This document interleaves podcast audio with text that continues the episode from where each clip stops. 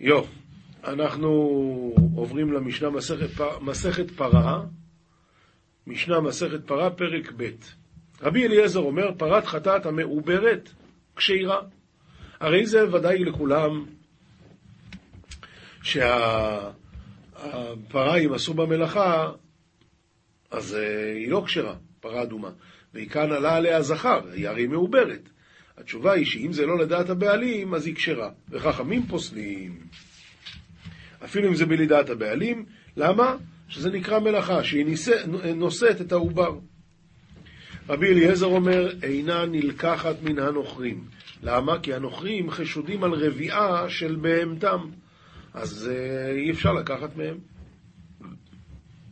וחכמים מכשירים. למה?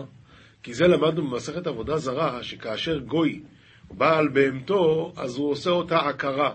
וזה ודאי שהוא לא ירצה לעשות, לא בבהמה רגילה, ובטח לא בבהמה של פרה אדומה. ו- ולא זו מלבד, אלא כל קורבנות הציבור והיחיד באים מהארץ ומחוץ לארץ, מן החדש ומן הישן, חוץ מן העומר ושתי הלחם שאינן באים אלא מן החדש ומן הארץ. ולא רק בפרת חטאת חלקו חכמים ורבי אליעזר, אלא בכל הקורבנות הם חולקים. הוא סובר. רבי אליעזר אומר שאי אפשר לקחת מנוכרים כי אולי הם רבעו את הבהמות האלה, וחכמים מכשירים. עכשיו, דבר נוסף, אה, כל קורבנות הציבור והיחיד באים מהארץ ומחוץ לארץ, זה אמרנו לגבי נוכרים, ומן החדש ומן הישן אין בזה בעיה, רק עומר ושתי הלחם צריך להיות דווקא מתבואת הארץ ודווקא מן החדש. משנה ב' פרה שקרניה וטלפיה שחורים, והרי אנחנו צריכים שהפרה תהיה אדומה לגמרי, אז אם טלפיה אה, או קרניה שחורים, אז שיחתוך אותם, יגוד. גלגל העין והשיניים והלשון אינם פוסלים בפרה, לא מעניין אותנו איזה צבע יש להם. והננסת כשירה. מה זה ננסת? פרה קטנה מאוד, כשרה. למה? ננס זה מום בבן אדם, אבל לא בפרה. אה, הייתה ביבלת וחתכה, רבי יהודה פוסל, רבי שמעון אומר, כל מקום שניטל ולא העלה מקומו שיער אדום, פסולה. אבל אם זה כן העלה שיער אדום, אז כשרה. לעומת זאת רבי יהודה פוסל. משנה ג' יוצא דופן. יוצא דופן הכוונה שהבהמה הזאת, הפרה האדומה, היא לא נולדה רגיל, אלא בניתוח. יוצא דופן. אז ככה, כל בהמה שהיא יוצאת דופן לא כשרה למזבח. כאן היה לי הווה אמינא להגיד שפרה אדומה זה הרי לא עולה למזבח, אז אולי זה יהיה כשר. כמה שמלן שהיא יוצאת דופן פסול. ואתנן, אתנן זונה. ומחיר שנתנו את זה בעד כלב. כל הדברים האלה פסולה לגבי פרה אדומה, כמו לגבי כל הקורבנות. רבי אליעזר מכשיר שנאמר, לא תביא אתנן זונה ומחיר כלב, בית השם אלוקיך. ואיזו, ואין זו בעל הבית, הואיל והפרה האדומה לא מגיעה לב, לבית המקדש, אלא שוחטים אותה בחוץ, אז הכל בסדר. כל המומים הפוסלים במוקדשים פוסלים בפרה. רכב עליה, נשען עליה, כאן אנחנו אומרים מומים שפוסלים דווקא בפרה אדומה. רכב עליה, או נשען עליה, או נתלה בזנבה, כן, היא סוחבת אותו. עבר בה את הנהר, שוב פעם אותו הדבר, עבר בה את הנהר, אז זאת אומרת שהוא נשען עליה, הוא, הוא, הוא נעזר בה. קיפל עליה את המוסיירה, את, ה, אה, את החבל שלוקחים את הבהמה, הוא קיפל על הבהמה, נתן טליתו עליה. כל הדברים האלה נחשבים שהוא עשה במלאכה והיא פסולה. אבל, קשרה במוסיירה, כלומר השימוש היה לטובת הבהמה, לא לטובת הבעלים. קשרה במוסרה, עשה לה סנדל בשביל שלא תחליק, פרסת ליטו עליה מפני הזבובים, כל השימושים נעשו לטובת הבהמה, אז הדין הוא שכשרה, זה הכלל, כלשהו לצורכה כשרה, לצורך אחר פסולה.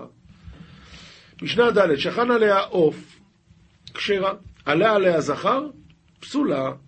רבי יהודה אומר, אם העלהו, פסולה. אבל היא מעצמו כשרה, זה בעצם שייך למחלוקת שכבר למדנו במשנה א'. משנה ה' היו בה שתי שערות שחורות או לבנות בתוך גומה אחת. היו בה שתי שערות שחורות או לבנות בתוך גומה אחת. אז מה, האם צריך דווקא בשתי גומות או מספיק גומה אחת? התשובה היא כן, פסולה. רבי יהודה אומר, בתוך כוס אחד היו בתוך שני כוסות, והן מוכיחות זו את זו, אז פסולה. מה הכוונה בתוך כוס אחת? הכוונה ככה. הגומה זה, זה כוס, ואם הם היו בתוך כוס אחת, אז הדין הוא שזה, אפילו בתוך כוס אחת זה פסול, בתנאי שהן מוכיחות זו את זו שהן קרובות אחת לשנייה. רבי עקיבא אומר אפילו ארבע, אפילו חמש, והן מפוזרות, יתלוש, אם הן לא קרובות אחת לשנייה. רבי אליעזר אומר אפילו חמישים. רבי יהושע בן בתירא אומר אפילו אחת בראשה ואחת בזנבה, פסולה, הוא הולך לקיצוניות של הצד השני. היו בה שתי שערות, עיקרן משחיר וראשן מאדים, עיקרן מאדין וראשן משחיר, כלומר לא כל השערה לכל האורך יש לה את אותו הצבע, הכל הולך אחר הנראה. דברי רבי מאיר וחכמים אומרים, אחר העיקר, מה שיותר קרוב לבשר. עד כאן משנה. עכשיו אנחנו עוברים לגמרא. אז אנחנו עוברים לגמרא, מסכת נידה דף ט"ו עמוד א', ומודים חכמים לרבי עקיבא ברואה כתם, אמר רב למפרע ורבי מאירי. שמואל אמר מכאן ולאבא ורבונון היא. הולך כאן לגבי, זה הולך כאן לגבי העניין של מעת לעת ומפקידה לפקידה. השאלה, אה, ממתי זה מטמא? אז ככה, מודים חכמים לרבי עקיבא ברואה כתם, שזה ודאי,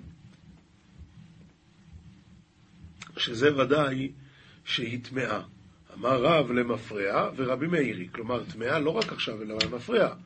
וזה הולך לפי רבי מאיר, ושמואל אמר מכאן הוא לאבא ורבונוני. שואלת הגמרא, אני לא מבין מה שאתה מדבר איתי, מכאן הוא לאבא? אם אישה ראתה כתם, אז מכאן הוא... בטח שמכאן הוא לאבא, זה דבר פשוט. כל המחלוקת היא לגבי ה... מעת לעת, לגבי מה שהיה עד עכשיו. מכאן הוא לאבא שואלת הגמרא, פשיטא. מהו דתימה הואילו מעת לעת דרבונון וכתמים דרבונון, מה מעת לעת לא מטמא את בועלה, אף כתמים לא מטמא את בועלה. כמה שמלן, שאם היא ראתה כתם היא מטמא גם את בועלה. שואלת הגמורה, ואם הכי נמי שהיא באמת לא תטמא את בועלה, כי כתמים זה רק דרבונון? עונה הגמרא, הטם אין שור שחוט לפניך. כלומר, במעת לעת, שאני גזרתי, אז זה גזרה, אני לא ראיתי שהיא טמאה. אז ממילא אני אומר, מטמאה טהרות, אבל לא את בעלה, לא את בועלה. אבל, אחא, יש שור שחוט לפניך, אתה רואה כתם, מאיפה זה בא? וכן אומר איש לוקיש למפרע ורבי מאירי, והיא מטמאה גם את בועלה, רבי יוחנן אמר מכאן ולאבא ורבונוני, שמטמא את בועלה. זוהר, פרשת יתרו דף פ"ח עמוד א', כמובן, שוב בענייני השבת, רבי יהודה אמר, באי להתענגה באי יומא, ולמיכל תלה סעודתי בשבתא. צריכים להתענג ביום הזה ולאכול שלוש סעודות בשבת. בגין דאשתכח סבא ועינוגה באי יומא בעלמא, כדי שיהיה הרבה עונג בעולם, יהיה בעולם, יימצא שובע ועונג. רבי אבא אמר, להזדווגה ברכתא דאינון יומין דלעילא דמתברכן מאי יומא. צריך לחבר את הברכה של הימים העליונים שמתברכים מהיום הזה. והיום עמליה רישא דזעיר אנפין, וזה היום מלא ראשו של זעיר אנפין, מטלא דנחית מעתיקה קדישא סתימא דקולה. מהטל שיורד מהעתיקה קדישא סתום הכל, ואתי לחקלא דתפוחין קדישין תלת זימני מקדא שבתא. וזעיר משפיע השפע לחקל תפוחין קדישין שלושה פעמים נכנס השבת, אתם מבינים שאני מקריא את ההסבר ממה שכתוב פה, כי אני לא מבין מה שכתוב. בגין דהתברכון כולהו כאחד, כדי שיתברכו כולם כאחד. ועל דא, ולכן, באי ברנש להתענגה תלת זמניני לעין. צריך אדם לאכול שלוש פעמים בשבת, בזמנים האלה, דעה בעתליה מהימנותא דלעילה, בעתיקה קדישא ובזעיר אנפין ובחקלא דתפוחין. ובאי ברנש להתענגה בהו ולמחדי בהו, אדם צריך להתענג ולשמוח בהם. ומאן דגורא בהו סעודת המין, חד סעודת המינאיו, אך זה פגימותא לעילה. מי שמחסר סעודה אחת מהם, אז הוא מראה פגם מלמעלה, ועון שידעו ברנש, סגי והעונש שלו גדול. בגין כך, באי לסדרה פטורי תלת זימני מקד איל שבתא ולא ישתכח פטורי ריקניה. צריך לאכול שלוש סעודות על פת, ולא יהיה שולחנו ריקם. ותשרי ברכתה עלי כל שאר יומי דשבתא, ואז תשרה עליו הברכה כל שאר ימות השבוע. ובהאי מילה אח זי ותלי מהאמנותא דלעילה. ובזה הדבר מראה ותלוי אמונה עליונה.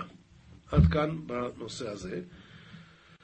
ועכשיו אנחנו בענייני הלכה פסוקה, הרמב"ם מלכות שבת פרק ה', חלב שהטיחו וקרבי דגים שנימוכו, נותן לתוכן שמן כלשהו ומדליק. אבל שמנים שאין מדליקים בהם, אפילו ערוון בשמנים שמדליקים בהם לא ידליק מפני שאין נמשכים, ושוב תמיד הבעיה זה גזירה דרבנן, שמא יבוא להטות את הנר. הלכה ב' אין מדליקין ביתרן מפני שריחו רע, ואז מה יקרה? שמא יניחנו ויצא, וחובה עליו להישב לאור הנר. ולא בצורי מפני שריחו טוב, שמא ייקח ממנו מן הנר, ועוד מפני שהוא עף. ולא בנפט לבן, ואפילו בכל מפני שהוא עף ויבוא לידי סכנה. אמ, עכשיו נלמד מוסר מספר אה, דברים שבקדושה. כל הצרות שבאו על יעקב מדינה ויוסף וכן כולם, היו מטעם שלא יתגאה יעקב על עשיו אחיו. אמר רבי יהודה, קין בא בגסות הרוח והבל בנמיכות הרוח. דכתיב זבחי אלוקים רוח נשברה. מה כתיב? והאישה השם אל הבל ואל מנחתו, ואל קין ואל מנחתו לא שעה. זאת אומרת, השם לא אוהב את הגבהות הרוח. ונעמן היה איש גדול. מהו גדול? שהייתה רוחו גסה עליו, ועל ידי כן הצטרע. אמר רבי יוסי, ודאי יוסף לא נזכר שמו בדגלים, דכתיב דגל מחנה אפרים ולא דגל מחנה יוסף. למה?